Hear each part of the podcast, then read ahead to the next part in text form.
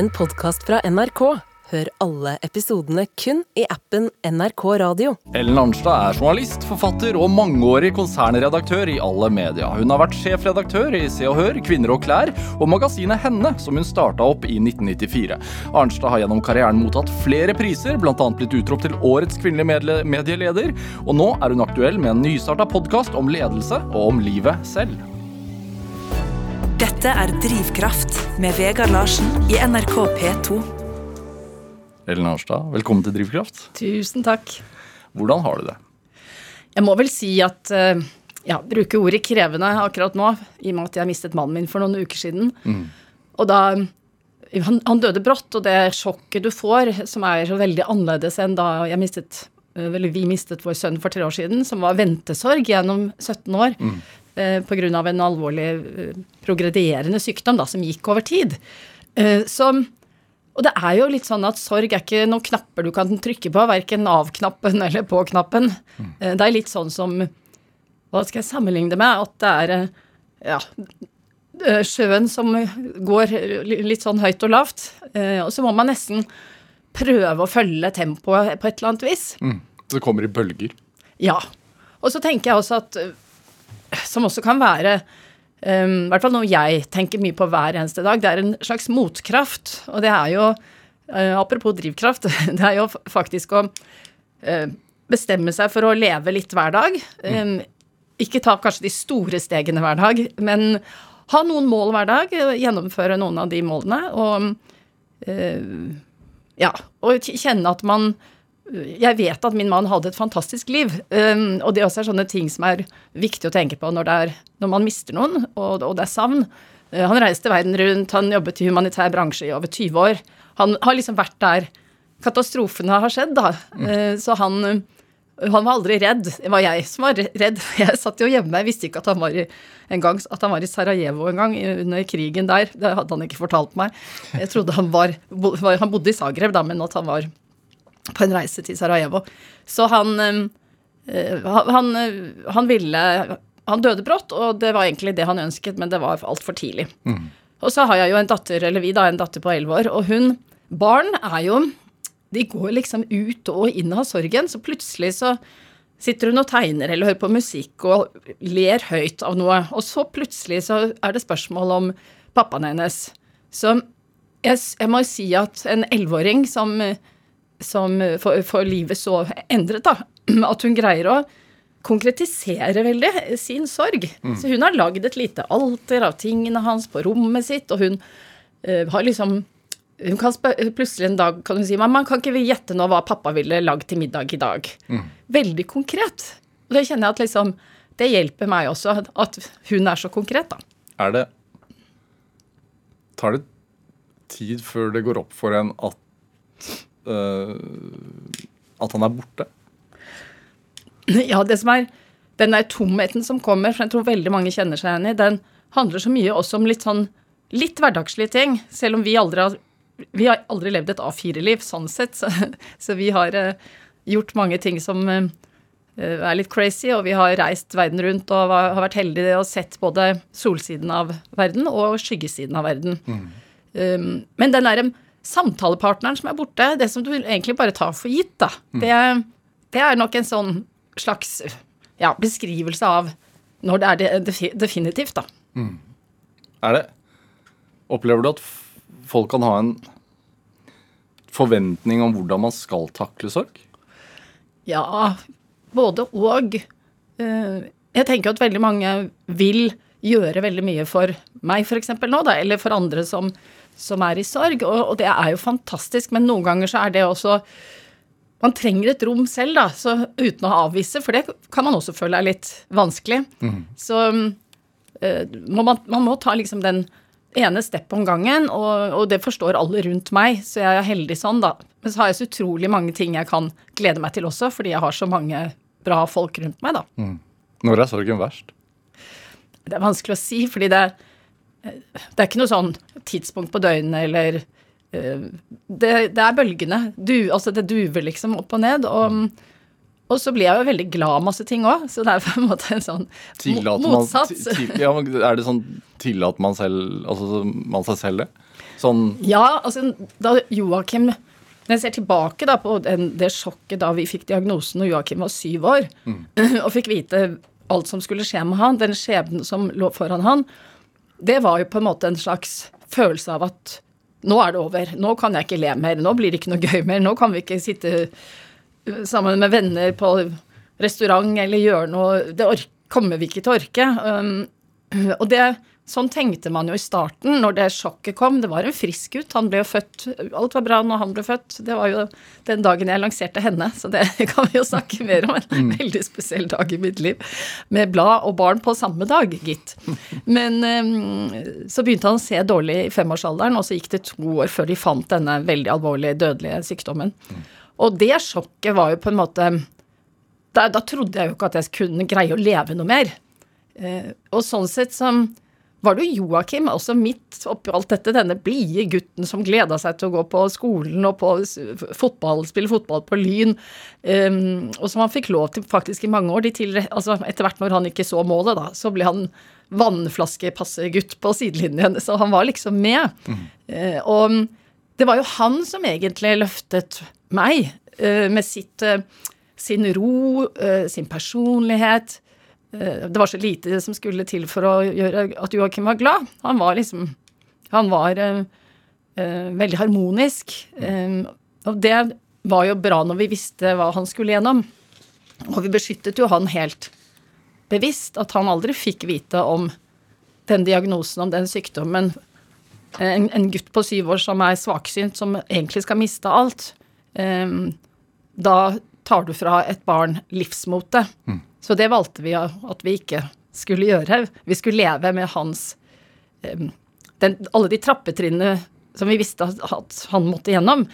Men det å leve sammen med han da, i de fasene i hans liv som han taklet på en helt fantastisk måte. Når han ikke kunne stå på ski mer, så sa, han bare at kan vi ikke bare sette bort skiene. Så var han liksom ferdig med den delen av livet sitt. Eh, og sånn har jeg mange historier om at han, han hørte på lydbøker. Eh, hadde stor glede av Roald Dahl. Han holdt på å le seg i hjel av Charlie og sjokoladefabrikken og ganske sånne bisarre historier. Eh, og hørselen hadde han jo helt til siste slutt, men da var han jo totalt funksjonshemmet. Men det at han hadde det han hadde gledet seg av i barndommen, kan du si, da, det varer med han resten av livet. Så han hadde eh, Ja, lydbøker var fantastisk for han, og, og så så han liksom de samme DVD-ene som han kjente, som han kunne tekstene til om igjen og om igjen. Så han, han fant liksom en vei ut av de eh, nye fasene som han skulle gjennom, da. Hva lærte du selv av det motet hans? Jeg lærte jo veldig mye liksom, forskjellen på hva er et vellykket liv og hva er et lykkelig liv. Fordi Joakim var, hadde et veldig lykkelig liv, selv om man skulle tenke seg at, eh, at han hadde mye sorg og kanskje stilte masse vanskelige spørsmål. Det gjorde han aldri. Så han gjorde på en måte meg sterk oppi alt. Eh, på en sånn Selv om, selv om eh, smerten var der, ventesorgen var der, men men han var jo den sterke på mange måter, som gjorde at jeg også ble sterk, og det at, at jeg også hadde en jobb som jeg elsket, um, og som jeg kunne fortsette å ha, da, og jeg, som jeg greide etter hvert å, å fortsette å ha. Det var også en Det gjorde at min identitet ikke bare ble å være mamma til et, eh, en syk gutt og et alvorlig sykt barn. Det var um, Der kunne jeg på en måte bruke hele meg, da. Og det gjorde at jeg ble en mye gladere mamma også. Gjør det deg sterk nå også, tror du? Ja, jeg tror det. Jeg tenker at øh, Ja, vi fikk oppleve så mye sammen. Hadde det vært et sånn Ja, mange kanskje venter for lenge med for mange ting i livet. Vi tar det neste år, og uh, passer ikke nå, og den drømmereisen, eller hva den nå skulle være, da. Andre opplevelser. Uh, det tror jeg i hvert fall Jeg jo, vet jo det 100 at det gjorde ikke vi. Vi gjorde det som uh, vi følte var riktig. Vi fikk se vi, vi fikk se liksom livet der ute også. Jeg var jo med på en del reiser til tøffe steder i verden.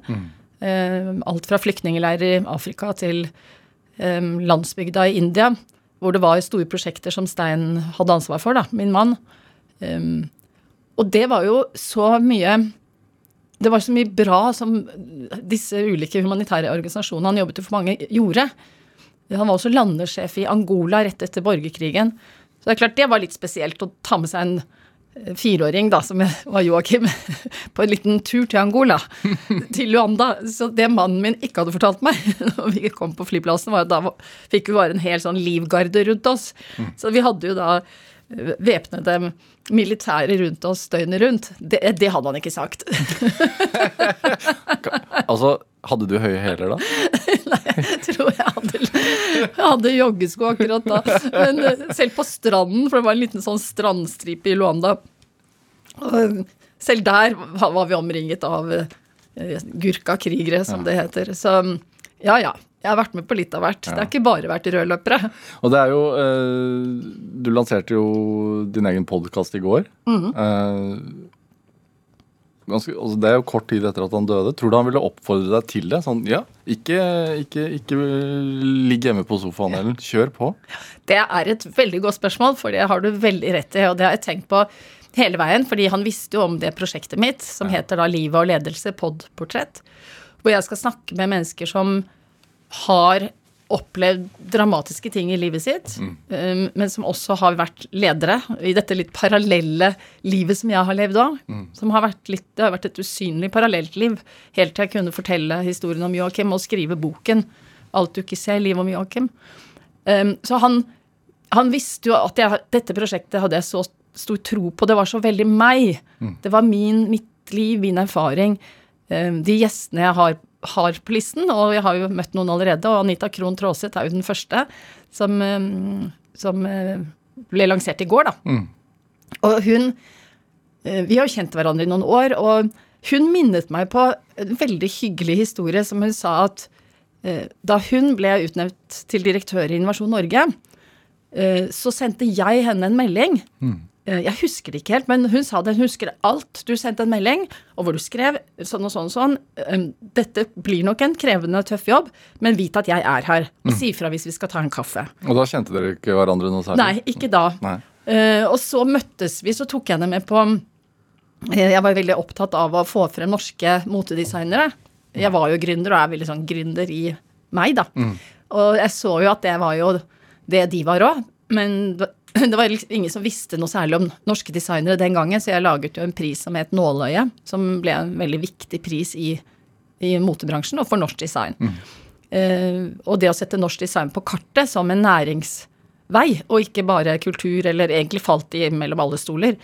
Eh, så jeg tok henne med på en motevisning, og det også nevnte hun i podkasten som ble lagt ut i går, at hun hadde jo aldri vært på en motevisning før, og der satt jeg på første rad og tenkte at ja, men her, dette er jo viktig. Dette er jo viktig. Innovasjon Norge må også være opptatt av dette.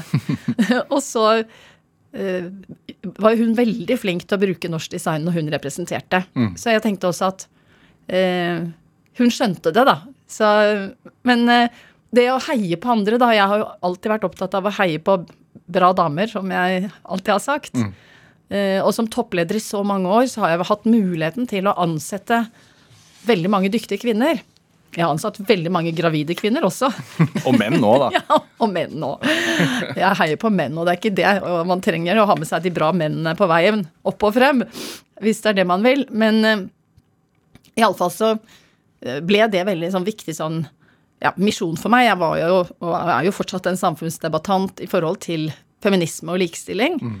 Og jeg var jo med på hele den reisen fra jeg var ung, da. eh, ja, ung journalist og hoppet rett inn i drømmeyrket mitt når jeg var 19 år. Eh, tenkte at her er det ikke noen hindringer, dette går vel den veien jeg vil. Men akkurat hvor jeg ville, var jeg var ikke så karrierebevisst. Men, men så ble jeg jo feminist etter hvert. Jeg så jo da litt for mange hindringer. Eh, og da har jeg, brukte jeg min stemme i, i redaktørrollen og i, ute i samfunnet for å snakke om konkret hva må vi gjøre for å finne de bra damene, ansette de bra damene. Så jeg var jo med og skrev en bok, for jeg satt i styret i Norsk redaktørforening i ti år, som het 'Slik drar du bra damer' i 2006. Det er vel kanskje en tittel som helt ikke hadde stått seg i dag, må jeg vel innrømme. Men det var rett og slett en håndbok. Eh, først var det, gjorde vi en undersøkelse blant kvinnelige journalister og kvinnelige redaktører. Liksom, Hva hindret? Ville de bli ledere? Ville de ikke? Hvorfor ikke? Eh, hvilke ambisjoner hadde de? Og så mm, var det forskere som skrev i den boken. Så det var rett og slett den rosa boken som eh, veldig mange av mennene som hadde makt i, i mediebransjen, eh, fikk, fikk enten i hånda eller i posten. Sånn at eh, her lærer dere dere hvordan dere skal rekruttere kvinner. Og dermed ble det jo flere kvinner også etter hvert, i særlig mellomlederrollene i mediebransjen. Og man må jo være der for å komme videre. Dette er Drivkraft med Vegard Larsen i NRK P2. Og i dag er eh, journalist og tidligere ja, Hva skal man si? Du har vært så mye, Ellen Arnstad. Altså konsernredaktør eh, redaktør for en rekke blader. Nå podkastvert da, og forfatter eh, her hos meg i Drivkraft med NRK P2. Det, eh, Ellen Arnstad, hvor er du fra? Jeg har vokst opp på, på Stovner. Ja. eh, I drabantbyen den gangen, ikke sant. De nye Obos-rekkehusene. Eh, en fantastisk fin oppvekst. Fikk alle mine barndomsvenner. Var liksom syv jenter i gata som gikk til skolen frem, ja, frem og tilbake sammen hver dag. Hva Så- gjorde moren og faren din da, da du ble født? Faren min var direktør på Fellesmeieriet. personaldirektør. Ja. Han var sånn veldig sånn fødte diplomat, egentlig. Eh, og moren min var hjemmeværende, som, som alle mødrene var den gangen. Eh, lagde treretters hjemmelagd middag hver dag. Det, jeg har ikke arvet noe etter henne, for å si det sånn. eh, og så begynte hun å jobbe litt når vi barna var større, da. Men eh, Hvor mange søsken? jeg har en bror som er fire år yngre. Ja. Men det som er fantastisk, da, dette er den derre barndomsvenninnegjengen. Vi det vi hadde felles, var jo den gata um, på Stovner, og Hva het gata? Den het Smyveien. Ja. Og så um, Men veldig, sant, veldig forskjellige. Men vi er jo da Vi har jo holdt sammen i 50 år. eh, hadde 50-årsjubileum i fjor. eh, og, det at du kjenner Altså, vi er jo de samme arketypene i dag som vi var den gangen. Hvem, hvem var du i gjengen? Nei, jeg var jo nok litt den som liksom organiserte litt gruppearbeid litt ekstra, for jeg syns lærerne var litt treige noen ganger. Og det var liksom Jeg var nok den som eh, tok litt sånn ansvar, da. eh, litt sånn tidlig. kjente at eh, Ja, litt ledertype, kanskje. Eh, og så begynte jo min barndomsvenninne og jeg, vi ble tatt ut på konkurranseturnparti når vi var syv år. Ja. Så det er, det er klart at og Da gikk jeg både i sangkor, jeg gikk i speideren. Det var ikke noe for meg, altså. For sånn teltturer og sånn. det, det må jeg bare innrømme. Der falt jeg litt igjennom. Men da valgte jeg turen, da. Og vi Hvorfor er ikke telttur noe for deg? Nei, jeg har Jeg tror foreldrene mine de var på telttur én gang, og da bare regna det, og det, ja, det ble aldri, ble aldri noen sånne gode minner av det. Så det var bedre å satse på, på turen, da, som jeg gjorde. Og vi trente jo sammen i ja, først turn, og så begynte vi med rytmisk sportsgymnastikk, som ja, sånn som du har sett før. vet du, med Hvilken, hvilken dings var din uh, Beste dings? dingsen. Ja. Jeg tror vel egentlig at det var best i ball, egentlig. Men det gikk litt opp og ned alt ettersom hvilken koreografi og musikk og sånn. Men um, vi var jo egentlig konkurrenter hele livet, hun og jeg. Men vi var jo verdens beste venner. Mm. Så Hva lærer man eh, når man starter altså, hvor, hvor gammel var du da du startet Jeg var syv år. Ja. Hva lærer man gjennom det? Fordi det- hvis det skal man bli god i det, eh, som jo du også ble, og i RS også, og vant jo ja, norgesmesterskap i lag. i, de, I lag, ja. Mm, Et Eh, år. Det, det må mye trening til. Ja. Det må mye trening til, og du må ha, du må ha en drivkraft, apropos, i og med at jeg sitter her sammen med deg nå. Du må ha en vilje om at Og du må orke å trene hardt, for det er, det er vondt noen ganger. Um, og så må du Du får en slags eh, sånn selvledelse ut av det. Fordi du skal ut på det gulvet alene. ikke sant? Du skal opp på den bommen alene. Det var en gang jeg falt ned syv ganger, tror jeg. og da var liksom foreldrene mine satt på øh, og så på da, i en gymsal i kjent stil um, i en hel dag. At, og da bare Ellen, det går bedre neste gang. Ikke gi opp.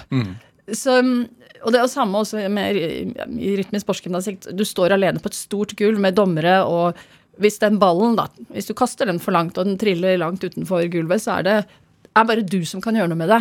Det er ikke sånn pekeleken, noen andre har skylda. Så jeg lærte nok mye, mye selvdisiplin av idretten. Og, og, og det å takle konkurransepress, altså psykisk og mentalt press, da. Taklet du at ballen falt utenfor, eller gikk det inn på deg? Nei, jeg måtte jo bare løpe fort, da. Få tak i den. Og så tenke at hva gjorde jeg feil her? Hvordan kan jeg forbedre det neste gang?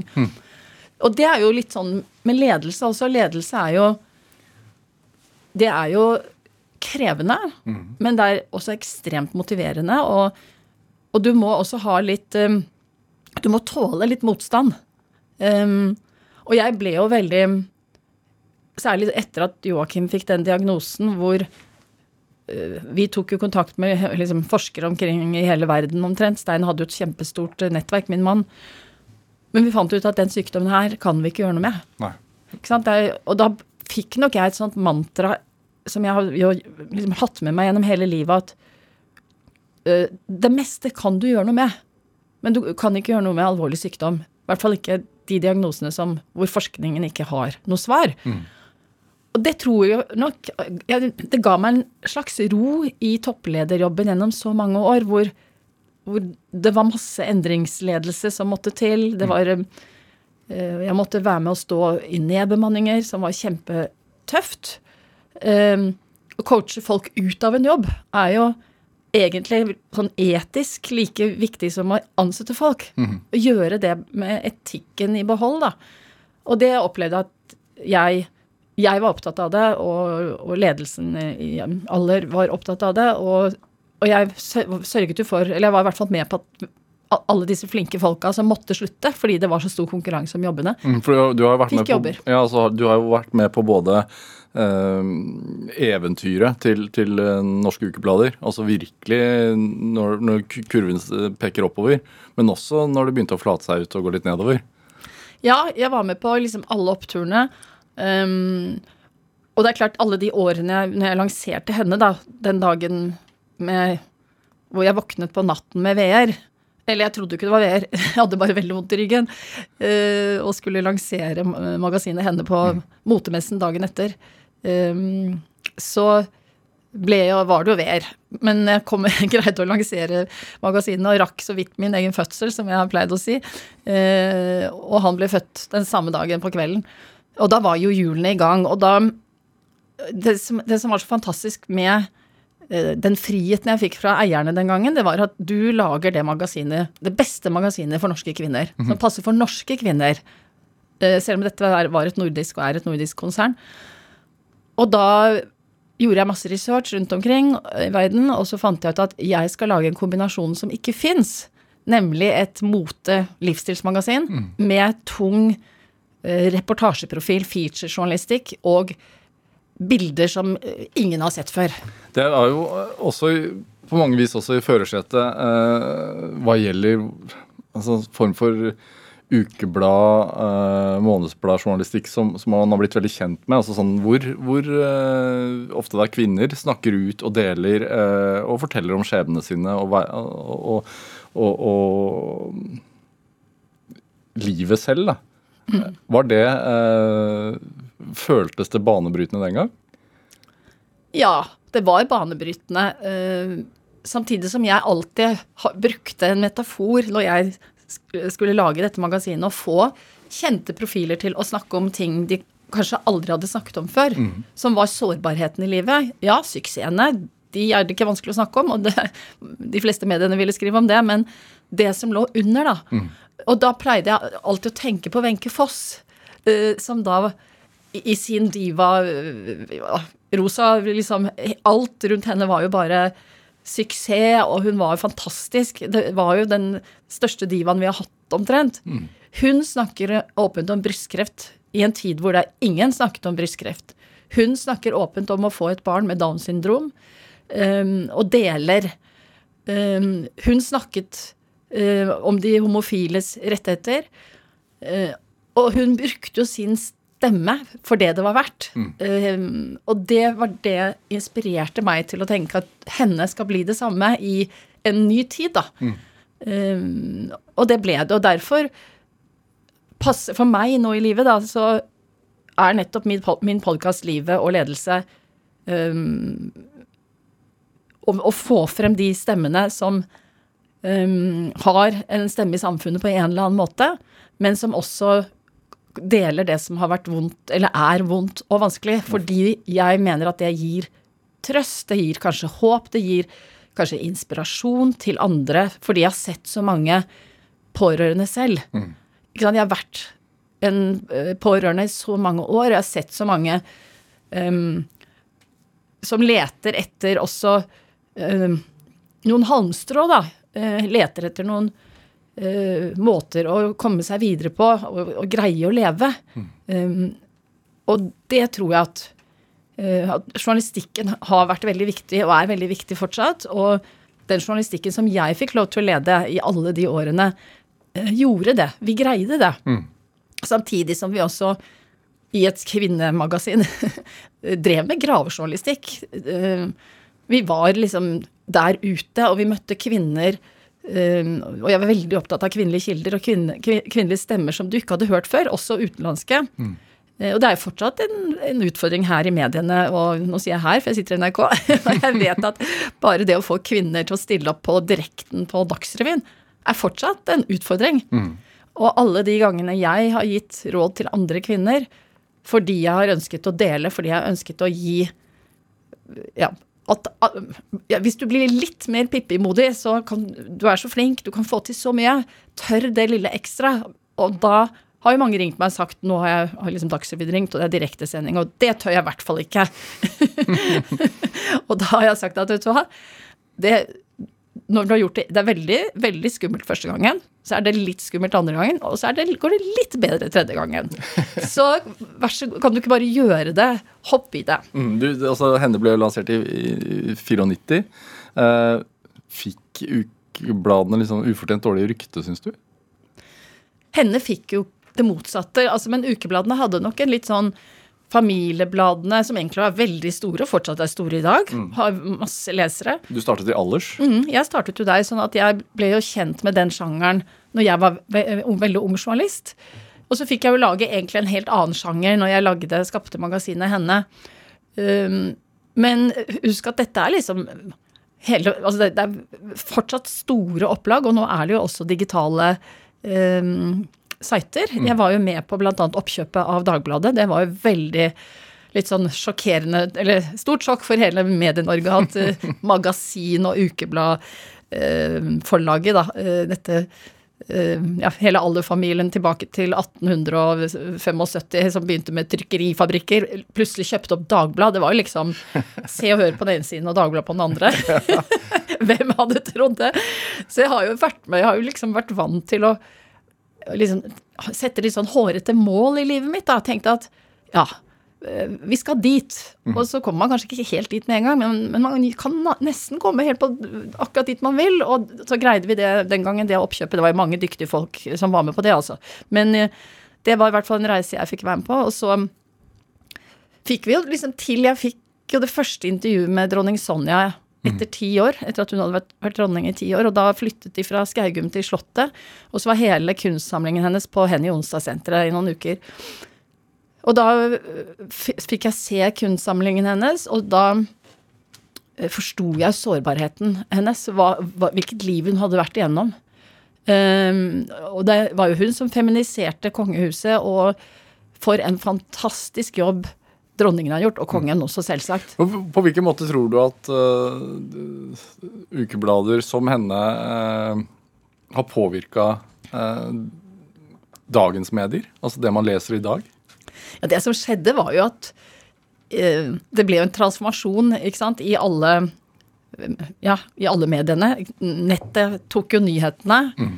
Um, og, og, og det, sånn skulle det jo være. Og så måtte, måtte jo da avisen og print tenke nytt. Og da tenke mye mer feature, lange historier, eh, human touch, altså menneskehistorier. Det at mm. mennesker deler lange uh, altså, ting i livene sine, sånn som for så vidt jeg har gjort i min bok, da, med 'Alt du ikke ser, livet med Joakim', som også er en bok til pårørende. Mm. Uh, hva den reisen jeg har vært igjennom, og, og også for helsevesenet i forhold til Eh, når du kommer inn i dette systemet, som jeg kaller det, helsevesenet, eh, så tenker du at alle dører åpner seg, i hvert fall vi som hadde en så alvorlig eh, diagnose på vår sønn. Men det gjør ikke det. Så du, du, du, må nøste selv, og du blir prosjektleder for ditt eget barn. Og det er veldig mange pårørende som har tatt kontakt med meg til boken og kjenner seg veldig igjen. Mm.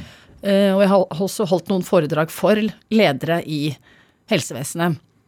Og jeg skal fortsette med det, fordi jeg vil Jeg, jeg kan uh, orke nå, da, ha den stemmen. Jeg orket ikke akkurat Boken ble skrevet før han døde.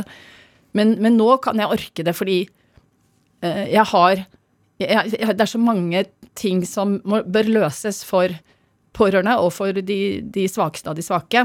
Og så har jeg også, det har jeg et eget kapittel om, det er jo alle englene på gulvet.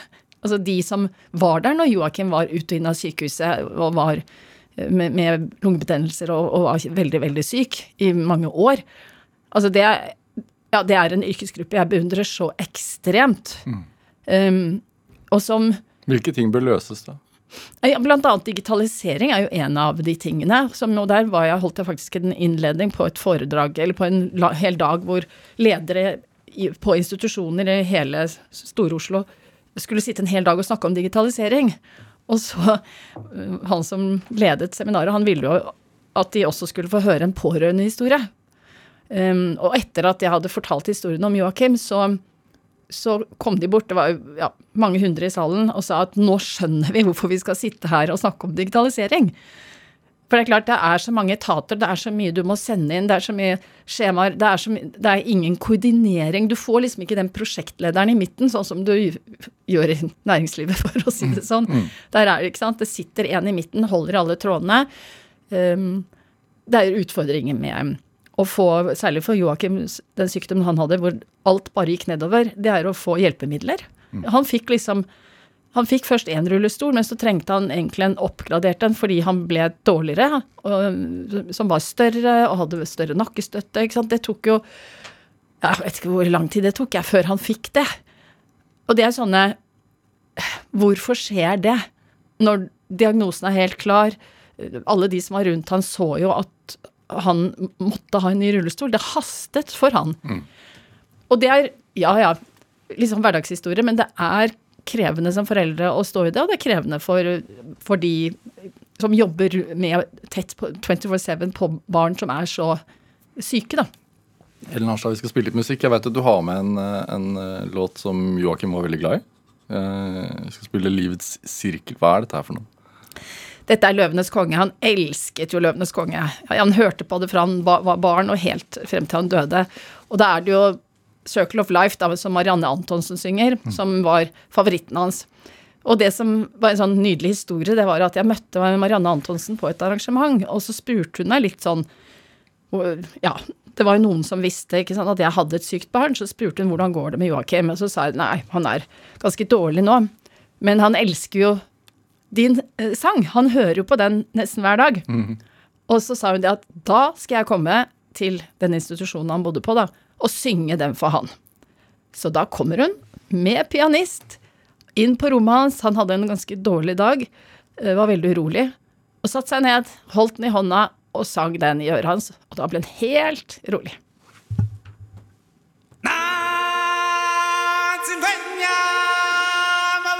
Chihuahua.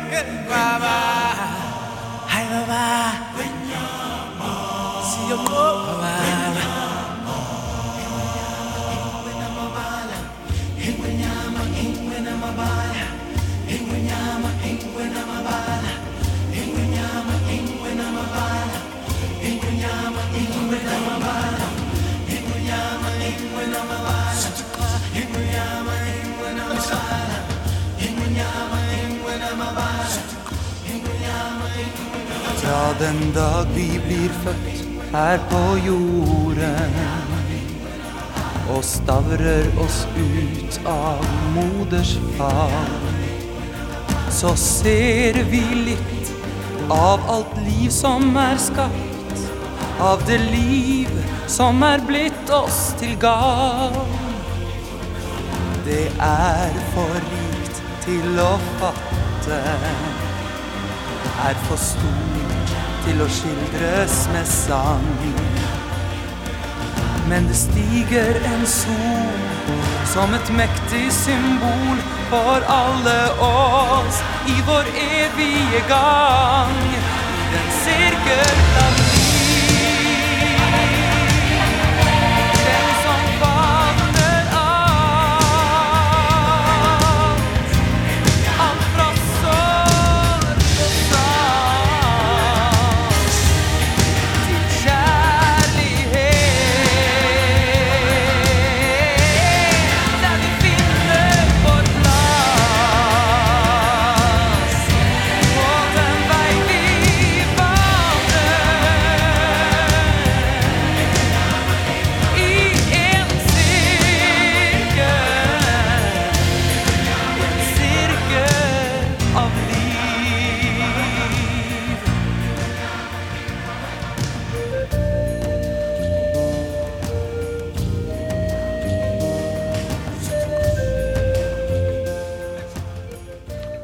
Ja, Du fikk en eh, smakebit av eh, Elton Johns 'Circle of Life', her eh, fremført av Marianne Antonsen.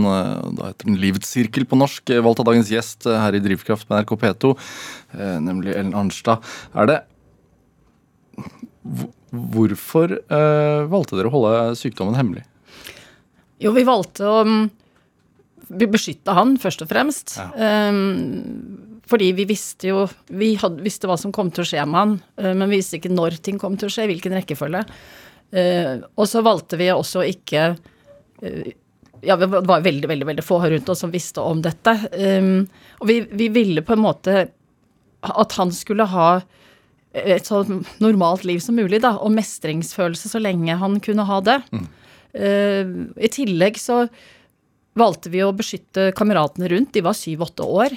Eh, Så jeg har jo aldri nevnt navnet på diagnosen, har jo ikke skrevet om den i boken heller. Og det er veldig fort gjort at friske søsken f.eks. i vår tid nå, da, begynner å google. Hvis du har en søster eller bror som ser litt dårlig, og kanskje får epilepsi i ung alder, som er en del av denne sykdommen. Den kombinasjonen der, å google det og få, få opp hele sykdommen, det ville ikke vi utsette noen for.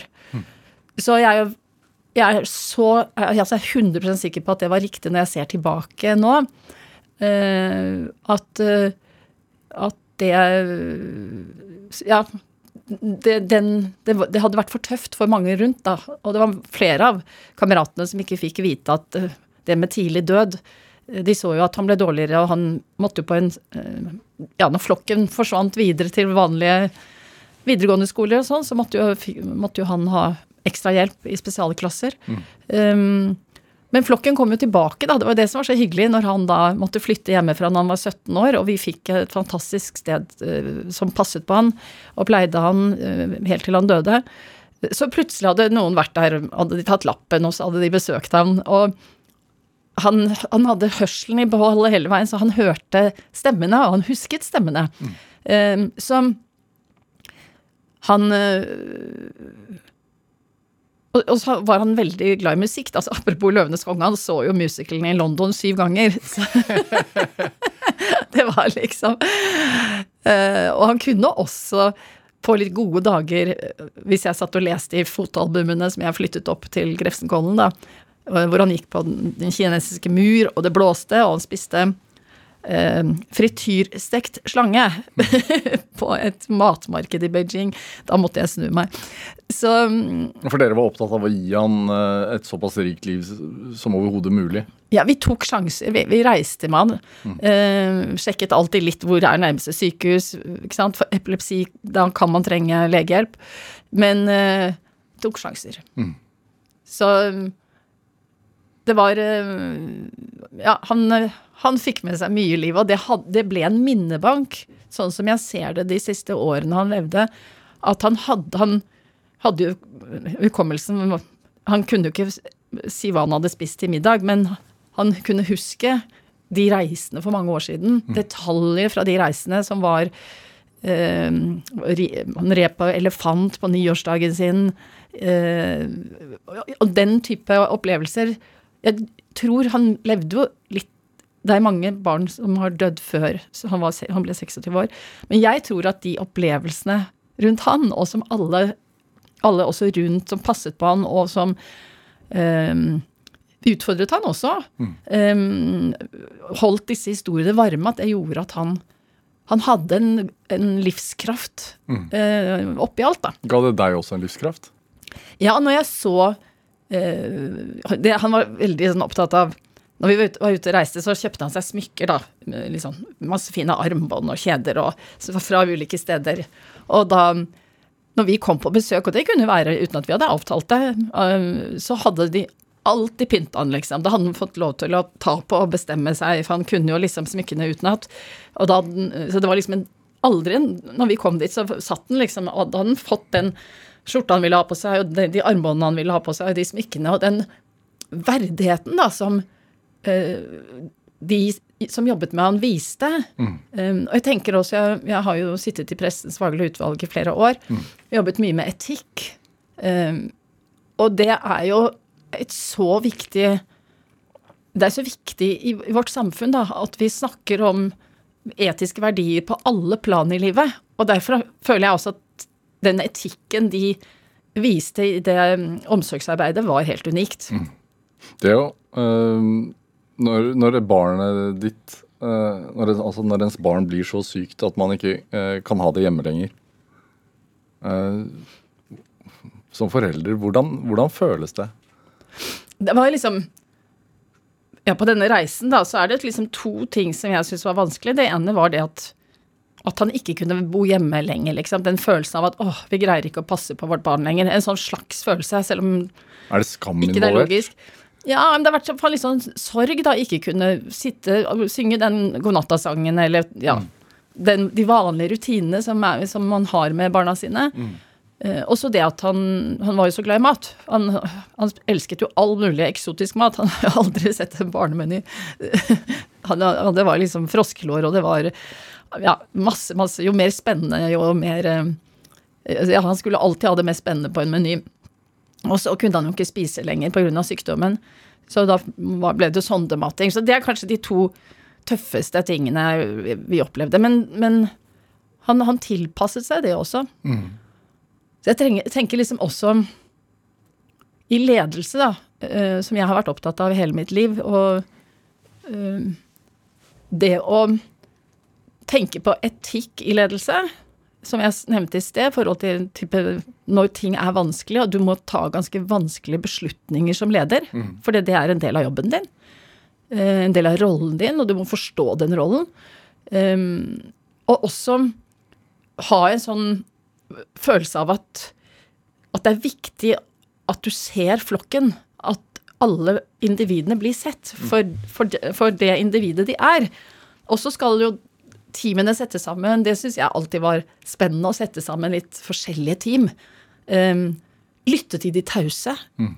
Ofte stille spørsmål eller be om en samtale med de som kanskje ikke rekker opp hånda hele tiden, men som ofte har tenkt veldig mange kloke tanker. Men hvis man glemmer å spørre de da, som leder, så mister man mye eh, av eh, ja, både ideer og ting liksom de som du som leder trenger påfyll. Da. Og jeg, jeg var jo jeg var jo veldig ung når jeg ble leder, og jeg har gjort alle feilene. Apekattsjef og vært altfor liksom Apekattsjef. Ja, ikke sant. Hvor du, hvor du bare bygger opp alt ansvaret, så du har liksom alle apekattene på dine egne skuldre. Du har glemt å delegere.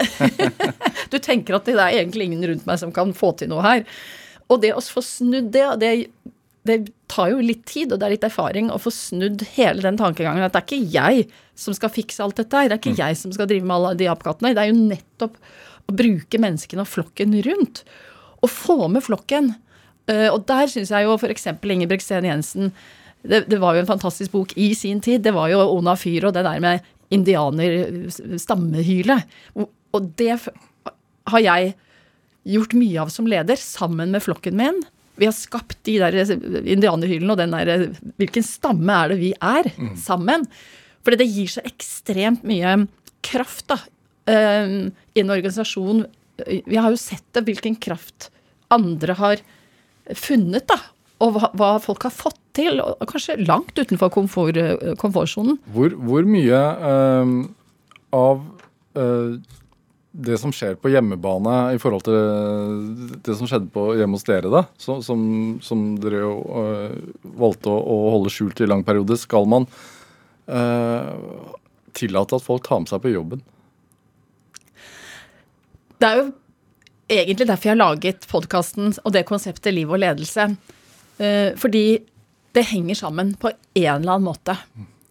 Uh, og så er det klart det er, det er, jo en rolleforståelse på en jobb mm. um, også. Um, men at når livet tryner, og det tryner jo litt her og der, så For de fleste? For de fleste. Uh, og da tenker jeg at noen vil dele med, med, kollegaer, og det kan være veldig bra for noen. Andre vil ikke dele. Så der, der må man også På seg selv kjenner man ingen andre, som jeg har lært.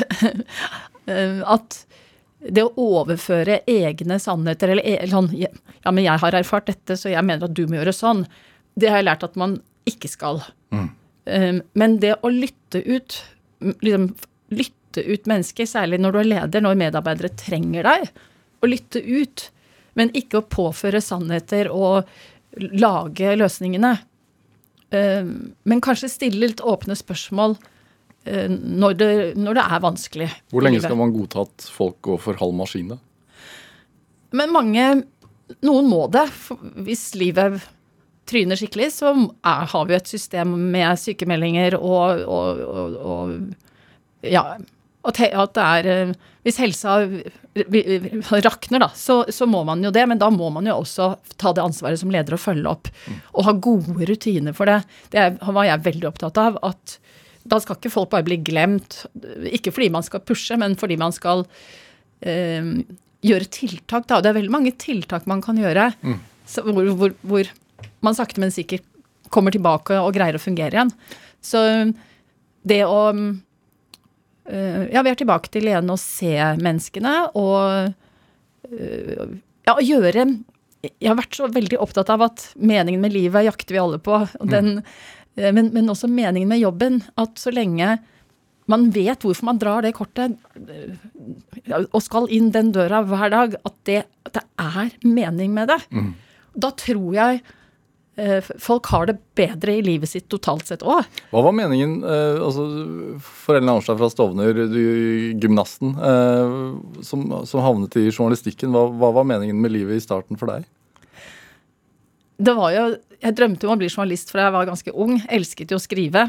Um, og det å uh, jeg, jeg, var ikke sånn veldig eventyrlysten, egentlig. Um, jeg har en, min mann var veldig eventyrlysten. Han var ja, han, verden var en liten landsby for han. han dro deg med? Men, så han dro meg med etter hvert, og da ble jo jeg veldig mye modigere. Sånn at uh, han gjorde at jeg ble, fikk et ekstra pippigen på toppen av det lille pippigenet jeg hadde. Mm -hmm. men det er klart, når jeg fikk da begynne å jobbe i lokalavis og fikk alt fra vi gjør portrettintervjuer til å dekke politiske møter, og da skjønte jeg jo at den nysgjerrigheten jeg hadde i meg, da, for det har jeg jo. Mm. Og den eh, kreativiteten jeg hadde i meg, fikk, kunne jeg få utløp for da i journalistikken. Og det fikk jeg jo til gangs med mm. alle de eh, gründerprosjektene jeg fikk lov til å lede gjennom eh, ja, over 25 år i eh, Aller Media. Så var jo jeg en gründer i veldig mange faser av mitt liv. Mm. Og det er jeg jo nå også, for nå har jeg også startet mitt eget selskap som heter selvsagt Bedre Damer AS. Mm. Klarer du å stå stille? Ja, jeg er veldig god til å sove. Jeg ligger til lading. det må man være. Ja. Hvis man ikke sover, blir man syk. Ja. Så det er noen uh, grep man må uh, kunne litt om, da. Uh, Men skjønner du hvorfor jeg spurte? Nei. jeg er energisk, og jeg har mye energi. Og jeg har mye drivkraft. Ja. og derfor har jeg jo alltid likt å ha nye, spennende prosjekter som er litt sånn ja, et mål som du må jobbe litt hardt for å nå, da. Mm.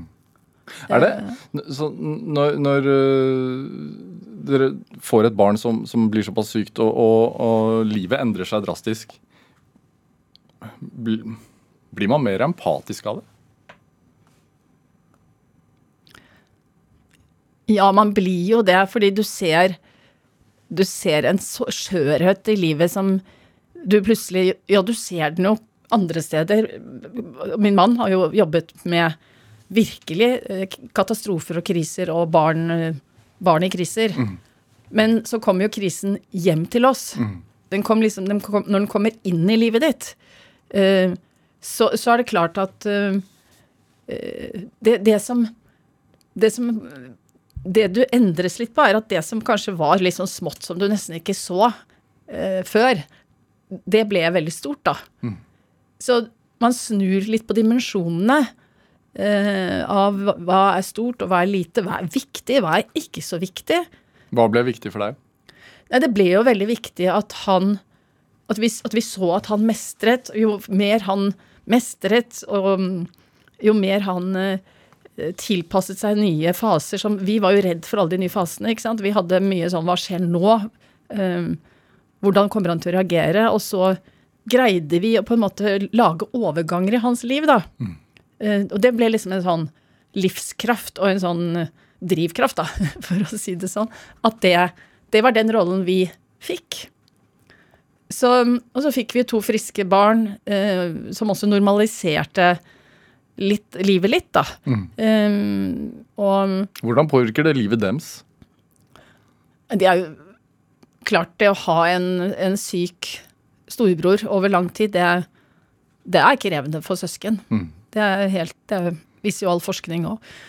Men så hørte jeg også et ord som Anita Krohn Traaseth i den podkasten min som ble lansert i går, da, 'Liv og ledelse', hun mistet sin mor eh, i selvmord da hun var 19 år.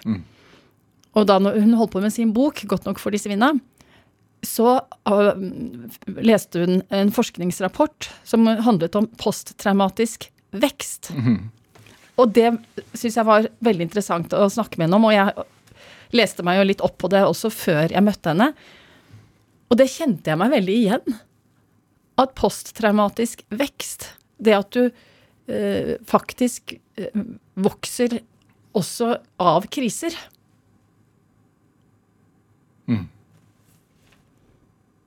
Er det Hvordan har du vokst?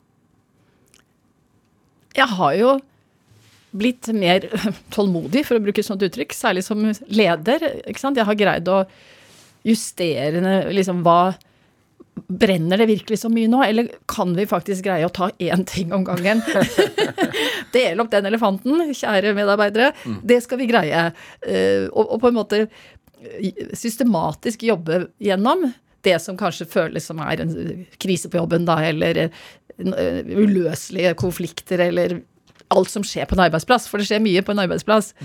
Eh, og da tenkte jeg Jeg var på et fantastisk kurs i Firenze for noen år siden med, med Steinar Bjartveit, hvor vi hvor vi først hadde ledelsesteori på dagen, og så gikk vi ut i byen uh, til det, vir det virkelige fantastiske Firenze som da blomstret i renessansetiden. Vi var 500 år tilbake i tid.